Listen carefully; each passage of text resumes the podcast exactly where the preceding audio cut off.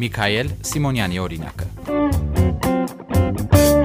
Ես երևի այն ավանգարդ դիզայներներից եմ, ով չի հավատում ու չի հետևում ինչ որ մեծ նորաձևության տների տրենդներին, թեև իմ գործերը վաճառվում են եւ այս 1 տարվա ընթացքում որպես բրենդ ես կարողացա որոշակի ֆինանսական անկախություն ձեռք բերել։ Իմ համար սա ավելի արվեստ է, ավելի անձնական է։ Այդ պատճառով ես չեմ սահմանափակում ինձ կոնկրետ ինչ որ օրենքներով, որոնք ոչ միտեղ գրված չեն։ Բազմերանք թելերը, կտորն ու ասեղ տեղը 23-ամյա դիզայներ Միքայել Սիմոնյանի ձեռքին վերածվում են յուրօրինակ հագուստների։ Մոդելավորման նկատմամբ սերը իջևանցի երիտասարդի մոտ առաջացել է դեռ մանկուց, երբ իր խաղալիքների համար կտորից, թղթից հագուստ էր կարում։ Միքայելի խոսքով ստեղծագործական աշխատանքն իր տարերքն է, մինչև նորաձևության աշխարհ մուտք գործելը երկարվեստով է զբաղվել։ 2013 թվականին մանկական Եվրատեսիլի ազգային փուլ է հասել, բայց քանի որ ընդունվել էր UWC Դիլիջանի միջազգային դպրոց, որոշել էր թողնել երգը։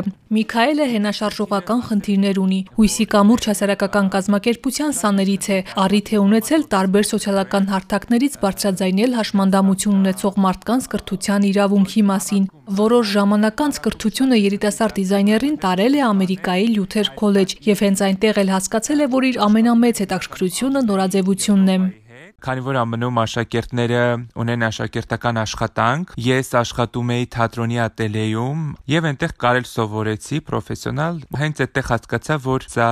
հենց այն մասնագիտությունն է, որը հավաքական իմ բոլոր իմ սիրած հետաքրքրությունները համատեղում է մի մասնագիտության մեջ։ 4 տարի ԱՄՆ-ում սովորելուց եւ աշխատելուց հետո վերադարձել է Իջևան ստեղծել Միշա հագուստի բրենդը։ Ասում է, որ ամեն ինչ սկսվել է իր սենյակում դրված մեկ կարի մեքենայից, հետո արդեն տնից ոչ հեռու փոքրիկ արհեստանոց է տեղափոխվել, որտեղ մեկ դերցակ եւ ուսանողներ է ունեցել։ Երբ որ անցած տարի վերադարձա ԱՄՆ-ից, չունեի ոչ մի բան, որովհետև վերադարձել եմ պանդեմիայի պայմաններում, վերադարձել եմ Իջևան ու փոքրիկ կարի մեքենայով սկսեցի վերնաշապիկներ անել եւ ուլունքներով բրոշներ պատրաստել եւ մի բրոշ, որի համար շատ կարեւոր է, կոչվում է տավուշ կանաչ, ինչ Ղարաբաղյան պատերազմը տեղի ունեցավ կոնֆլիկտ Տավուշի Ադրբեջանի միջև, ու այդ ժամանակ իմ մոտ շատ ուժեղ ոգեշնչում ստացա հենց մեր սարերից, որ որովհետև գիտեք, այդ պահերին մարդը կորցնում է իր հավատը շատ բաների հանդեպ, բայց երբ որ ամեն անգամ նայում էի իմ պատուհանից, սարերը միշտ իրենց տեղում էին։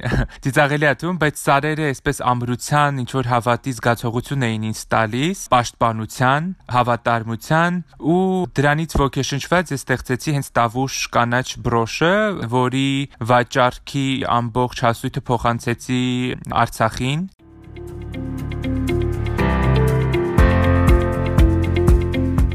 Միքայելը երկու հավաքածու է թողարկել։ Առաջինը Աֆրոդիզիակը Ամերիկայում է ցուցադրվել, այն հունական եւ հայկական դիցաբանության միախառնում է։ Երկրորդ հավաքածուն անվանել է Լողիժոն, որը ֆրանսերենից թարգմանաբար նշանակում է ակունք։ Այստեղ արդեն միայն կանացի հագուստ է ներկայացրել, նվիրված բնությանը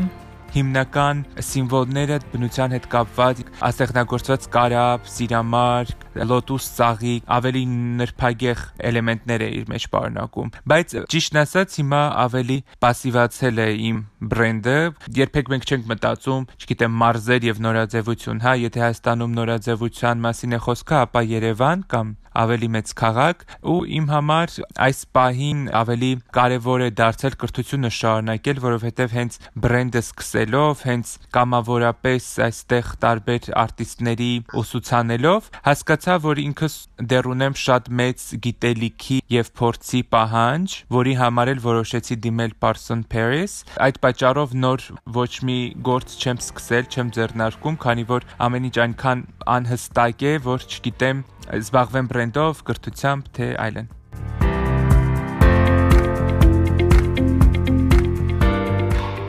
Միքայելը ընդունվել է Փարսոն Փարիզի դիզայներական ամենահայտնի համալսարաններից մեկը, բայց կրթությունը երկու տարի այնտեղ շարունակելու համար գումար է անհրաժեշտ։ Դրամահավաք է նախաձեռնել, որպիսի ուսման վարձը կարողանա վճարել եւ բաց չթողնել իր գիտելիքները նորաձևության աշխարհում խորացնելու հնարավորությունը։ Երիտասարդ դիզայները պատրաստ է Փարիզում մի քանի աշխատանք կատարել, քանի որ հավատում է, կրթությունն իր առջև նոր դռներ կբացի։ Այն կարող է կամուրջ դառնալ Փարիզի նորաձևության տների եւ Գողտրի Կիջևանում սկիզբ առած Միշա բրենդի միջև։ Այս պահին fundraising-ով on-line հավաքվել եմ 4600 դոլար եւ ունեմ 8000 դոլար կրթաթոշակ եւ դիմել եմ նաեւ նոր կրթաթոշակների Ֆրանսիայում սովորելու համար։ Հիմա աշխատում եմ շատ fundraising-ի վրա եւ միաժամանակ սպասում ինչ որ հրաշքի նման բանի, որովհետեւ ինչքան էլ մի քանի կրթաթոշակ ստանամ, ամբողջ վարձը չի կարող ճարել, որովհետեւ կրթաթոշակները ավելի քիչ են։ Ընդհանուր 30000 դոլար է պետք, բայց կա մի դրական կողմ, որ միգուցե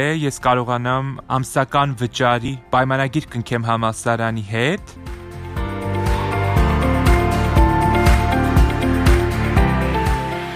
Հայրենիքը սկսվում է սահմանից, ասում է Միքայելը ու հավելում Իջևանում բրենդ ստեղծելու կարևոր խորհուրդն այն է, որ երիտասարդները ոգեշնչվեն, հավատան Երևանից հեռու մի քաղաքում եւս հնարավոր է ստեղծագործել ու հաջողության հասնել։ Գուցե շատերը կարծում են, թե հեշտ է տրվել իրեն ամեն ինչ, բայց իրականում այդպես չէ։ Պետք չէ բողոքել ու փնփնթալ, պետք է կոտրել կաշկանդող բոլոր վախերը, եւ եթե ցանկությունը մեծ է, ապա հաջողությունը երկար սպասեցնել չի տա պետք է շեշտել, որ ունենալով հաշմանդամություն ես ունեցել եմ մի քանի անգամ ավելի քիչ շանսեր, քան ունեին կամ ունեն իմ հասակակից երիտասարդները մարզերում։ Մարդկանց մեջ պետք է արտնանա այդ պոզիտիվությունը, որ եթե կա ցանկություն, պետք է անպայման հասնել։ Ես ինքս մեծացել եմ սովորական ընտանիքում, իմ համար UW-ում կրթություն ստանալը ԱՄՆ-ում կրթություն ստանալը եղել է ամենօրյա աշխատելու արդյունքը։ Ինձ հասանելի չի եղել ինչ որ մասնավոր անգլենի պարապմունքներ եւ այլն եւ այլն եւ ոչ ֆինանսապես, ոչ ֆիզիկապես։ Տանը համակարգիչ ունենալով ես ինքս իմ վրա աշխատել եմ։ Շատ երկար խորտ ստացվեց, բայց հենց դա կլինի, որ պետք է երազել,